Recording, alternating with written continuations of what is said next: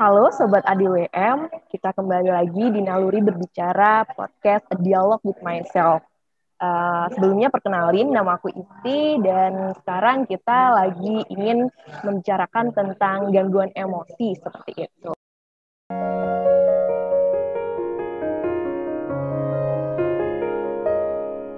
Nah, di sini aku nggak sendirian aja nih. Uh, aku didampingi sama seorang narasumber yang akan kita ajak bicara pada kesempatan kali ini mengenai gangguan emosi tersebut.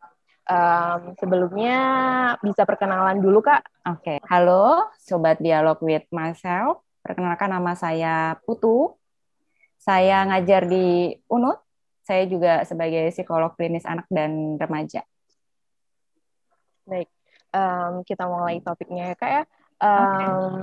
Pada kesempatan kali ini kita akan bicara tentang gangguan emosi. Nah, um, sebenarnya gangguan emosi itu apa sih kak? Oke, okay. gangguan emosi itu adalah satu kondisi yang di mana emosi atau kondisi perasaan dari seseorang itu terganggu. Nah, kalau emosi itu apa sebetulnya itu agak susah didefinisikan karena beberapa tokoh itu tidak tidak ada yang benar-benar firm eh, mendefinisikan emosi itu apa.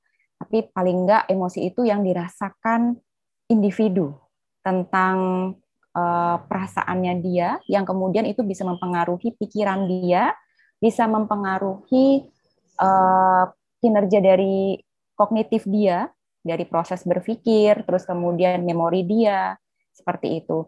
Jadi ketika emosinya terganggu, maka biasanya semuanya itu akan terganggu juga. Di perilakunya juga terganggu, terus kemudian nanti uh, kognitifnya terganggu, kesehatannya terganggu. Terus kalau perilaku itu berarti termasuk sampai di pola tidur, pola makan, terus kemudian uh, apa namanya? Mm, mm, mm, mm, kemam apa ya? kebiasaan dia peminatan dia untuk melakukan kegiatan sehari-hari itu juga jadi terganggu seperti itu. Baik, um, kalau saya boleh tanya lagi, um, gangguan emosi ini biasa terjadi pada kalangan remaja, dewasa, anak-anak, apa um, semua usia apakah mengalami gangguan emosi juga gitu kak? Apakah terkhusus hanya para remaja saja seperti itu yang kita ketahui? Pada saat ini uh, memiliki tingkat kelabilan atau gangguan emosi yang berubah-ubah seperti itu. Oke. Jadi sebetulnya gangguan emosi itu biasa terjadi dan wajar terjadi di semua tahapan perkembangan manusia. Baik itu dari anak-anak sampai lansia. Apalagi di masa pandemi seperti ini, itu udah wajar banget. It's okay uh, untuk mengatakan bahwa saat ini emosi saya terganggu karena memang semua orang menghadapi tantangan yang sama, semua orang sedang uh, apa namanya mengendarai atau mengayuh perahu yang sama, kondisi yang berbeda dari biasanya, pandemi yang serba tidak menentu, yang serba tidak pasti, yang serba nggak jelas, terus kemudian itu kan membuat kita apa ini benar-benar menguras emosi kita gitu. Jadi itu wajar sekali terjadi. Nah sebetulnya gangguan emosi ini tidak tidak hanya uh, apa ya, bukan dia tidak bisa jadi ini salah satu gejala dari gangguan psikologis lainnya. Kalau di anak-anak itu biasanya itu menjadi bisa menjadi salah satu simptom ataupun gejala dari gangguan misalnya uh, gangguan perkembangan yang dikatakan ADHD, attention deficit hyperactive disorder. Itu ada juga satu simptomnya adalah gangguan emosi impulsif. Impulsif dia harus uh, contohnya impulsif itu dia harus jadi yang pertama, dia harus uh, mendapatkan apa yang dia inginkan. Kalau nggak gitu, nanti dia akan marah. Kalau dia pinjem mainan temennya nggak dikasih, dia akan rebut. Terus kemudian dia bisa membantah uh, guru ataupun orang tua, figur yang lebih tua dari dari dia. Terus kemudian kalau di remaja, itu bisa jadi salah satu simptom dari gangguan kecemasan, dari gangguan depresi. Gangguan kecemasan itu apa? Jadi gangguan kecemasan itu adalah gangguan di mana individu itu memikirkan kondisi yang akan datang, situasi yang akan datang, masa yang akan datang, sehingga dia kalau orang-orang biasanya uh, yang tidak tidak tahu tentang istilah cemas biasanya mengatakan takut. Tapi kalau ditanya takut apa? Takut dimarahin. Oh, takut dimarahin. Beneran pasti dimarahin nggak? Belum tentu sih. Nah, itu berarti dia sedang mengatakan bahwa saya cemas kalau nanti dimarahin gitu. Jadi eh, tadi selain cema, eh, kecemasan, gangguan depresi bisa jadi itu jadi salah satu simptom dari gangguan post traumatic stress disorder. Nah, depresi, PTSD atau post traumatic stress disorder itu udah gangguan uh, ciri-ciri gangguan emosinya biasanya lebih kompleks terus kemudian ini sudah berlangsung lama gitu. Karena uh, untuk menegakkan diagnosa itu nggak bisa hanya dengan seminggu ada keluhan misalnya sedih uh, selama seminggu terus kemudian tegak diagnosa depresi nggak bisa. Jadi uh, ada kesedihan yang dalam jangka, jangka waktu yang panjang atau gangguan emosi dalam jangka waktu yang minimal satu bulan dan menetap baru bisa ditegakkan diagnosa depresi ataupun PTSD begitu. Dan beberapa gangguan uh, gangguan psikologis lain itu yang salah satu gejalanya adalah gangguan emosi. Gitu. Dan tadi kalau balik lagi pertanyaannya wajar wajar banget apalagi di masa pandemi seperti ini. Anak-anak yang menghadapi PJJ yang biasanya kumpul sama teman-teman, bermain sama teman-teman, terus kemudian kontak uh, dengan guru, ketemu langsung dengan guru, terus tiba-tiba harus online. Apaan ini di depan laptop membosankan, padahal anak-anak tuh butuh bergerak, motoriknya harus distimulasi. Dia jadi nggak betah, apalagi kalau di dalam kamar ada mainan. Terus tuntutannya harus fokus dengan guru, padahal sedangkan di, di hadapan saya itu ada mainan. Gimana dong saya mengontrol ini? Itu buat buat dia jadi ngerasa, eh apaan sih kondisi ini? Jadinya emosinya gampang tersulut. Terus kemudian kalau yang remaja juga seperti itu. Yang biasanya ketemu sama teman-teman bisa curhat gitu. Terus kalau ketemu dosen kan beberapa mahasiswa tuh biasanya ketemu dosen eh, curi-curi curhat gitu ya. Terus sekarang mau ketemu dosen itu WA aja kadang nggak dibales gitu. Terus kemudian beberapa ini dari hasil penelitian mahasiswa saya ya. Eh, apa nanya skripsi aja dijawabnya yang hanya di bagian yang urgent aja padahal kalau dulu katanya uh, dari responden yang dari mahasiswa saya ini yang dijadikan responden mahasiswa saya ini mengatakan dulu itu padahal kalau ngebahas skripsi itu bisa lama, bisa 30 menit dan itu ternyata yang dirindukan yang membuat mahasiswa kemudian menjadi emosinya bosan, terus kemudian menjadi gampang sedih, gampang marah, terus kemudian uh, apa namanya jadi putus asa seperti itu. Kalau yang dewasa yang sudah masuk usia dewasa juga sama. Yang tadinya mungkin bisa fokus pekerjaan, terus kemudian anak-anak sekolah, terus kemudian juga jemput, sekarang kerja di rumah, buka laptop, harus uh, dampingin anaknya sekolah. Itu fokus yang tadinya hanya satu, terus kemudian harus terbagi dua. Belum lagi kalau dari rumah pasti ada pekerjaan di rumah. Uh, beberapa ibu-ibu yang tanpa asisten harus mengerjakan tugas domestik ini pun juga bisa menyulut uh, gangguan emosi. Jadi wajar sekali begitu. Jadi gangguan emosi itu sangat wajar terjadi pada um, seperti anak-anak, mahasiswa, remaja dan lain sebagainya ya kak ya. Nah, yang saya lihat biasanya kak ada nih um, beberapa uh, mahasiswa atau remaja yang kadang uh, tiba-tiba menangis, gangguan emosinya sedih seperti itu kak. Nah, gangguan ini apakah sulit di kenapa sih kak ini kok sulit dikontrol banget gitu loh gangguan emosi ini gitu. Mm -mm. Oke, okay. jadi ini uh, dari pengalaman saya menangani klien ya, baik itu dari mahasiswa saya sendiri ataupun klien dari luar. Ternyata kenapa itu menjadi sulit ditangani khususnya di apa ya di orang Indonesia gitu ya karena kita itu sejak kecil ternyata terbiasa untuk diajarkan untuk mengabaikan emosi kita. Contohnya apa? misalnya uh, anak yang sedih karena misalnya uh, dia terlambat, terlambat join Zoom gitu karena dia mungkin kesiangan bangun terus kemudian mamanya bilang ah gitu aja kok sedih tinggal join aja kenapa sih gitu jadi kan oh berarti nggak penting loh emosiku ini gitu terus kemudian kalau atau misalnya pas lagi nangis uh, abis jatuh gitu mama sakit gitu oh ya cup cup cup yuk yuk yuk yuk diajak main atau diajak berenang untuk mengalihkan emosi sedihnya karena dia sakit gitu nah itu kemudian berkembang ketika dia sudah menginjak remaja, dia jadi terbiasa untuk mengabaikan emosinya. Padahal itu penting banget. Kita memvalidasi emosi kita karena kalau pikiran memang liar, pikiran itu tidak valid. Pikiran itu tricky. Dia bisa apa menjebak kita dengan dengan apa dengan kondisi yang seolah-olah kondisinya itu gawat dan seolah-olah itu benar adanya. Tapi kalau emosi atau perasaan itu valid, sehingga kita harus memvalidasi emosi itu dan karena terbiasa dari kecil kita diajarkan untuk mengabaikan emosi, akhirnya ketika remaja, remaja itu menjadi galau.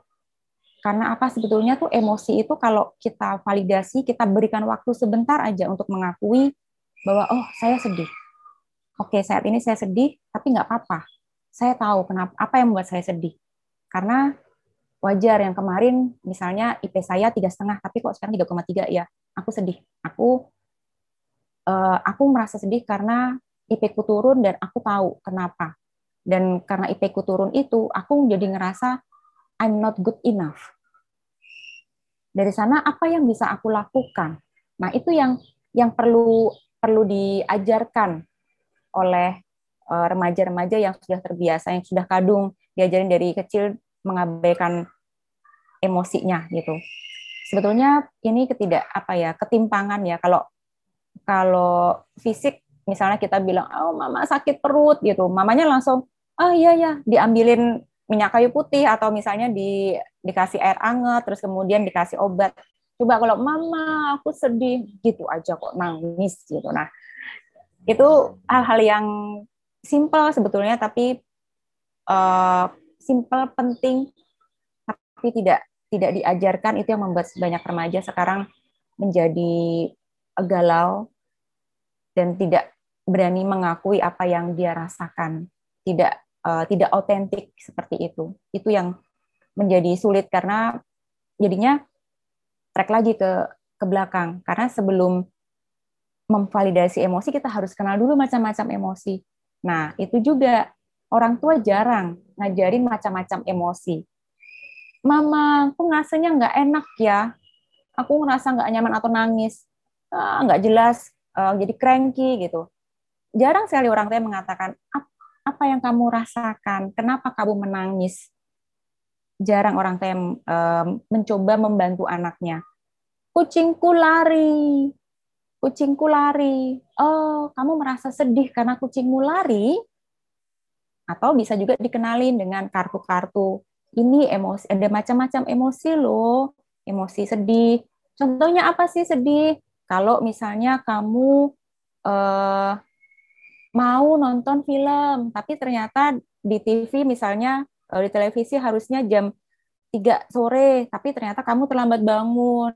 Terus kamu sedih karena nggak bisa nonton. Nah itu contoh. Berarti kamu rasain emosi sedih. Senang. Apa apa itu emosi senang? Ulang tahun dapat hadiah. Itu emosi senang. Nah dari sana kalau udah udah ter, udah tahu tentang macam-macam emosi ketika dia merasakan satu perasaan dia dia bisa dibantu oleh orang tuanya kamu rasakan aku happy mama apa yang buat kamu happy karena aku tadi dapat bintang satu dari Miss nah nanti dari sana bisa berkembang kalau misalnya oh kan berarti dia menyadari emosinya penyebabnya apa nah Kemudian apakah kamu suka dengan emosi ini? Iya, aku suka banget. Aku mau kayak gini terus. Oke. Okay. Nah, kalau sedih, apa yang kamu inginkan?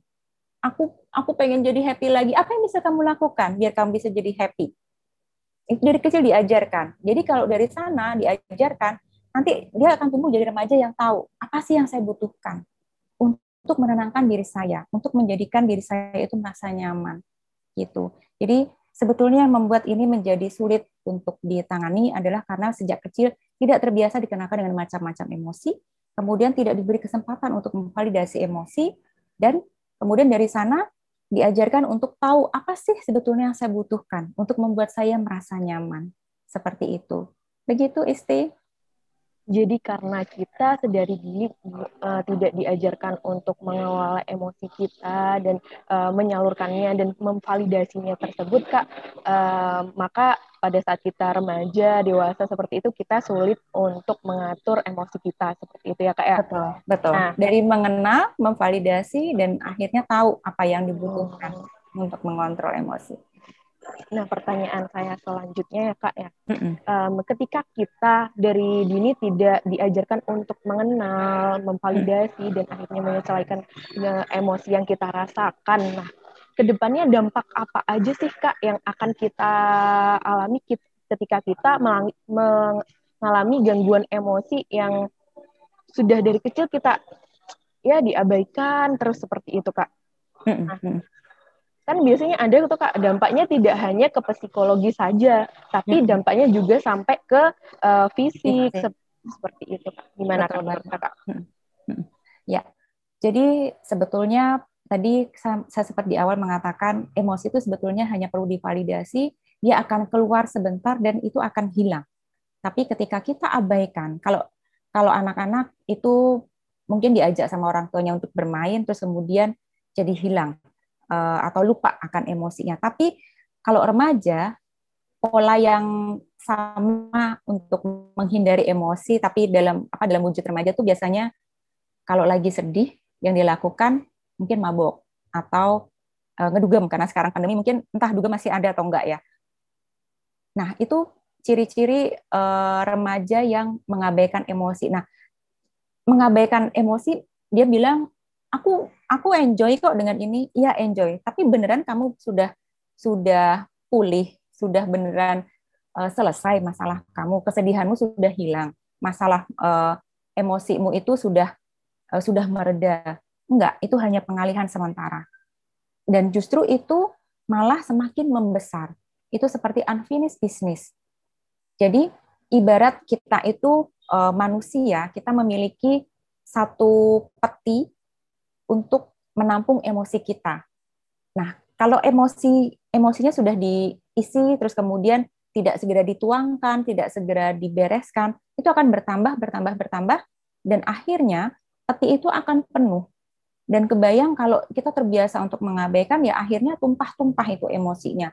Akhirnya apa? Timbulnya itu tadi, jadi senggol bacok, terus kemudian itu kalau eh, kalau di awal kondisi emosi seperti itu atau biasa dikatakan stres, stres itu kan ada tahapannya juga ya, Dek ya. Jadi di awal kalau stres itu tubuh itu kasih sinyal sebetulnya.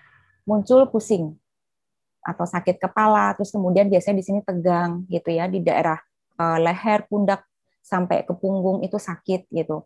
Nah, ketika itu diabaikan, ternyata tubuh kita itu dia cukup cukup baik dan bahkan sangat baik ya tubuh kita itu dia akan mentoleransi. Oke, okay, kamu belum ada waktu ya untuk memperhatikan aku. Aku akan redakan ini sakitnya. Tapi dia belum tuntas. Seolah-olah itu baik-baik saja. Padahal itu sebetulnya dia membawa eh, apa ya seperti bom waktu yang sewaktu-waktu ini akan meledak gitu. Kalau kalau nggak diberesin ya itu akan semakin membesar begitu. Dan akhirnya itu tadi munculnya kalau tadi keluhan fisiknya ringan, lama-lama badan kita aus. Dan kita aus, akhirnya munculnya apa? Kalau orang-orang yang terbiasa mengabaikan emosi, sakit jantung, terus kemudian eh, mah akut atau GERD kalau udah sampai parah gitu ya, GERD, terus kemudian eh, asma atau kemudian timbul alergi yang alergi alergi itu udah dikasih obat loh, biasanya obat ini mempan, tapi kok sekarang enggak ya? Udah tubuhnya udah protes. Yang kemarin dikasih dikasih sinyal masih baik dia, terus kemudian bisa menyembuhkan diri lama-lama nggak mau dia tubuhnya udah aus, ya udah jadinya sakitnya sakit berat.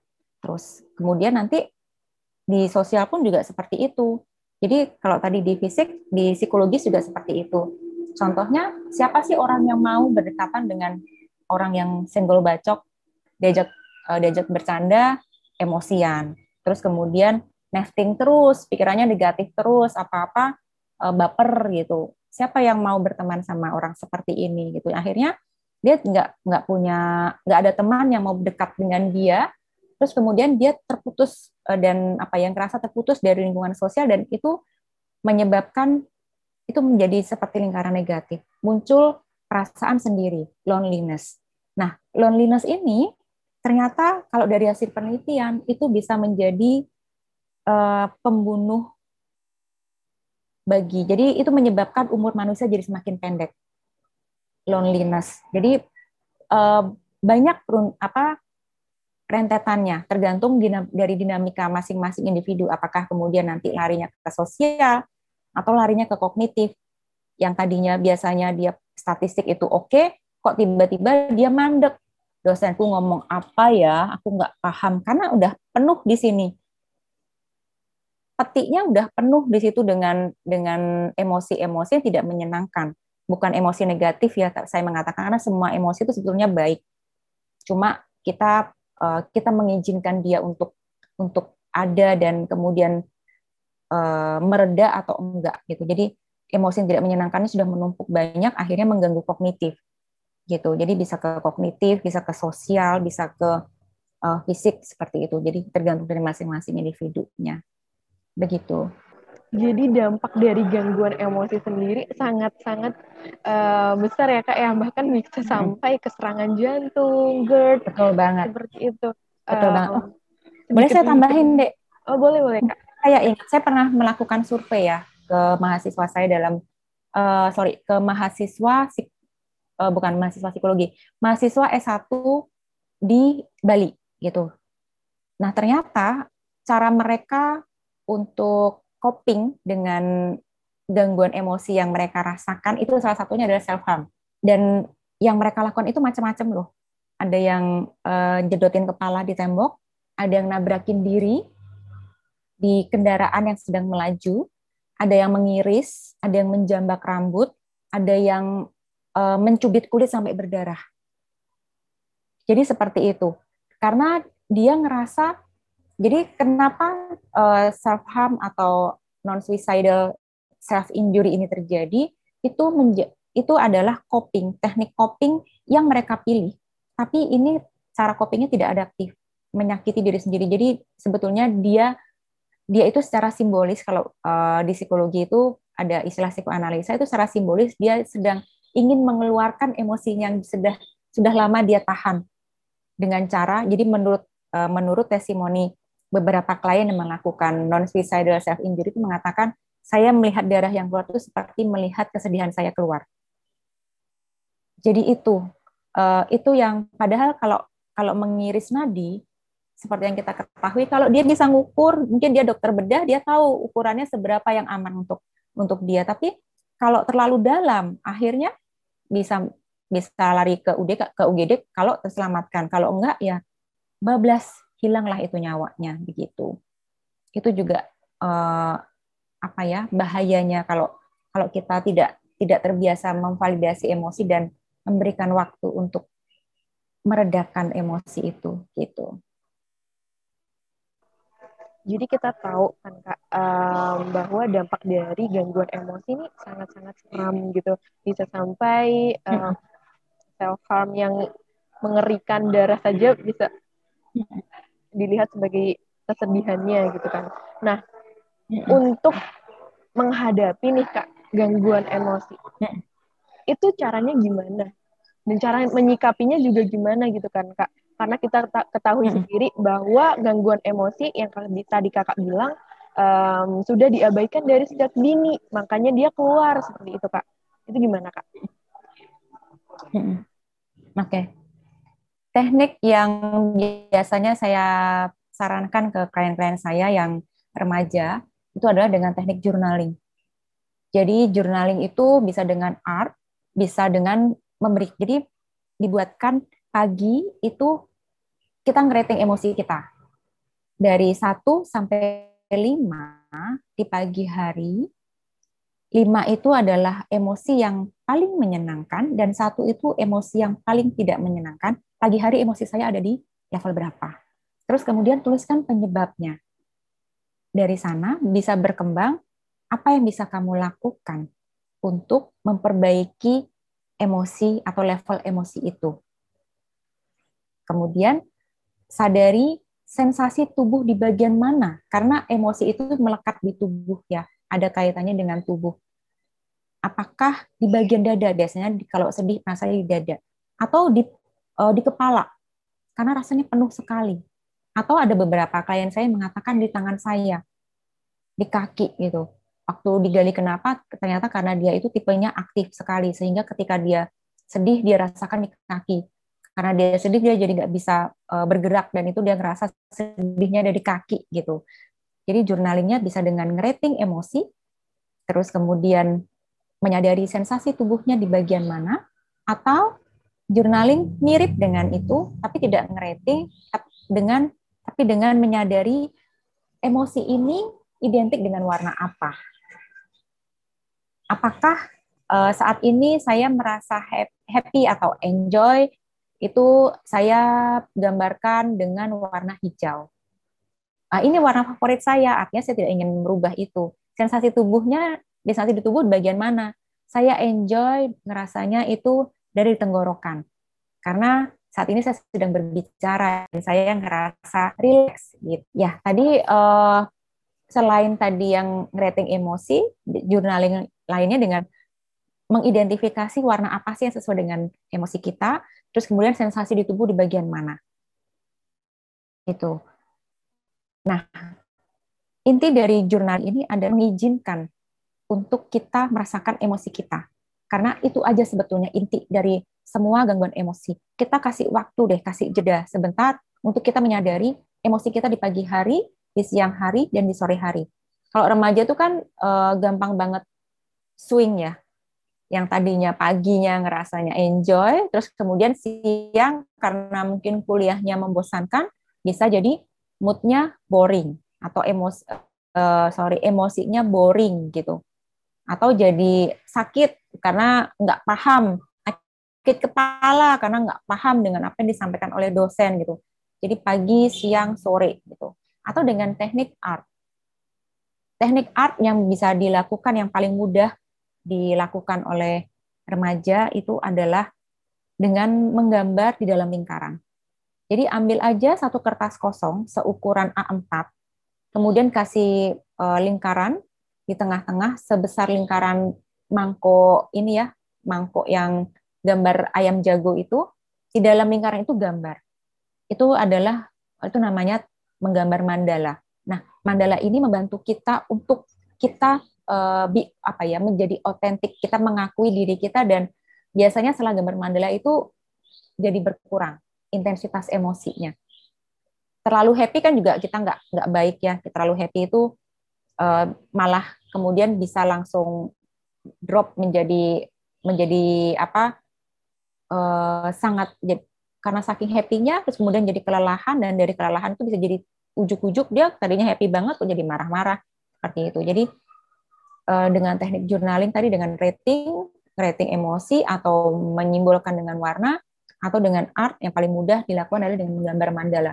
Sebenarnya kalau teknik uh, art yang lain itu banyak, tapi ya itu bisa di bisa dilakukan dengan supervisi bersama psikolog biasanya agar agar lebih uh, apa ya tajam gitu, di lebih terarah gitu untuk menyadari emosi dengan cara menulis diary pun itu juga bisa. Itu intinya sebetulnya hanya memberikan waktu mengakui emosi kita. Kemudian fokus dengan apa yang kita butuhkan. Kalau emosi yang dirasakan itu membuat membuat atau kejadian yang kita hadapi itu membuat kita merasa tidak cukup baik, I'm not good enough, itu bisa dengan kemudian melakukan self soothing self soothingnya dengan cara butterfly hugs. Dengan mengatakan karena dia mengata karena dia merasa tidak uh, tidak cukup baik sampaikan aja uh, saya sudah melakukan yang terbaik. Saya sudah melakukan yang terbaik seperti itu itu biasanya beberapa klien saya mengatakan waktu saya melakukan itu saya langsung nangis bu nggak apa-apa izinkan aja karena memang saat itu itu yang kamu butuhkan biasanya yang buat uh, mereka ragu itu karena kok jadi malah ini ya Bu berlebihan nangisnya. Enggak, bukan berlebihan. Karena memang sudah saatnya dia tumpah. Sama ini kamu tahan gitu. Jadi izinkan aja dia keluar. Begitu. Itu beberapa tips deh yang bisa saya berikan, yang bisa dilakukan. Jadi untuk sobat ADWM hmm, bisa didengerin nih tipsnya dari Kak Putu mengenai untuk menghadapi, menangani tentang gangguan emosi yang biasanya dirasakan gitu kan. Um, kemudian Kak, uh, sesi diskusi pada hari ini kita sudah di sudah berada di penghujung diskusi kita. Um, kemudian kakak ada pesan-pesan nggak untuk um, sobat ADWM bagaimana tentang mereka semangat menjalani hari-harinya supaya nggak nggak mengalami gangguan emosi di setiap menjalani kehidupan agar mereka semangat gitu kak gimana kak? Oke pesan saya untuk sobat ADWM adalah jadi baik untuk diri sendiri. Kalau memang kita saat ini sedang merasakan tidak baik, nggak apa-apa. Karena wajar, semua orang merasa tidak baik sometimes gitu. Yang tidak wajar adalah ketika apa yang kondisi kita yang tidak baik ini kemudian menyakiti orang lain. Kalau kalau sesekali nggak sengaja itu nggak masalah, tapi kalau kemudian terus-terusan membuat orang jadi sakit setelah mencari solusi ataupun emosinya lagi tidak nyaman, kasih waktu untuk jeda, jangan lanjutin kegiatannya, ambil waktu untuk buat diri rasa nyaman, kemudian baru dari sana kalau udah ngerasa nyaman, lanjutkan kegiatan. Jadi berbaik hatilah dengan diri sendiri, bersahabatlah dengan diri, perlakukan diri sendiri seperti sahabat. Gitu. Uh, jadi Kak, ini adalah akhir dari podcast um, tentang gangguan emosi pada kali ini. Um, terima kasih atas waktunya. Terima kita kasih. Sudah, kita sudah sharing-sharing mengenai gangguan emosi seperti itu kak. Uh, hmm. Untuk sobat ADWM semuanya, terima kasih sudah mendengarkan podcast kita pada kali ini. Sampai jumpa di Naluri Berbicara Podcast ADWM episode selanjutnya.